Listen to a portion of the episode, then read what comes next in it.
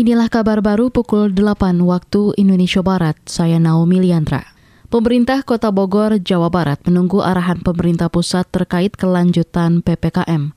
Wakil Wali Kota Bogor, Jawa Barat, Dedi Arahim mengungkapkan, sembari menunggu hasil evaluasi PPKM oleh pemerintah pusat, akan terus memperlakukan aturan PPKM level 1 pada prinsipnya kan kita masih menunggu arahan dari pemerintah ya apakah sekarang ppkm level 1 apakah masih akan PPKM level 1 atau akan dicabut PPKM di Indonesia atau di Jawa Barat atau di Bogor kan gitu kan. Jadi kita menunggu arahan dari pemerintah pusat. Tetapi sejauh ini tidak ada penambahan kasus yang signifikan dan kita tetap me, apa namanya meminta kepada seluruh masyarakat untuk protokol kesehatan ditegakkan tetap Wakil Wali Kota Bogor, Jawa Barat, Dedi Arahim mengingatkan seluruh kegiatan masyarakat yang berpotensi menimbulkan keramaian massa harus mendapat izin kepolisian dan rekomendasi Satgas COVID-19.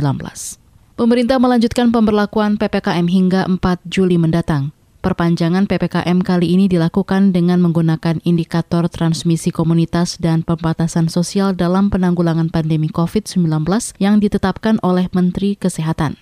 Dirjen Bina Adwil Kemendagri Safrizal menjelaskan, saat ini seluruh wilayah di Indonesia telah berada di level 1 PPKM kecuali Kabupaten Teluk Bintuni, Papua Barat yang masih berada di level 2. Kata dia, daerah yang berada di level 1 bisa beroperasi normal dengan kapasitas maksimal 100% di berbagai sektor.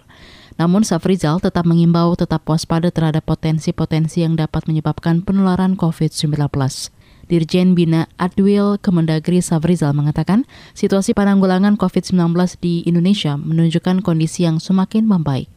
Rancangan Undang-Undang Larangan Minuman Beralkohol diharapkan memperhatikan budaya dan kearifan masyarakat lokal. Anggota Komisi Bidang Hukum DPR Ari Egani Ben Bahat mencontohkan kebiasaan warga suku Dayak di Kalimantan Tengah yang meminum minuman beralkohol saat menggelar acara ritual adat. Saya ini dari daerah pemilihan Kalimantan Tengah dan kearifan lokal orang Dayak Kalimantan Tengah itu adalah ketika misalnya lahiran itu ada ritual adat bersama-sama. Dan kami minum minuman beralkohol. Kemudian acara perkawinan Eh, sambil berbalas pantun, kami juga minum minuman beralkohol dan seterusnya dari membuka mata sampai menutup mata. Tetapi bukan berarti orang Kalimantan Tengah, orang Dayak itu suka mabuk-mabukan. Anggota DPR dari fraksi Nasdem Ari Egani Ben Pahat menambahkan, rancangan undang-undang larangan minuman beralkohol bisa disesuaikan dengan kasanah budaya daerah masing-masing. Dia juga mengingatkan pentingnya pengaturan peredaran minuman beralkohol agar jangan sampai memicu munculnya pasar gelap dan perdagangan ilegal. Saat ini, RUU larangan minuman beralkohol masih dalam bentuk draft dan masih terus dilakukan harmonisasi.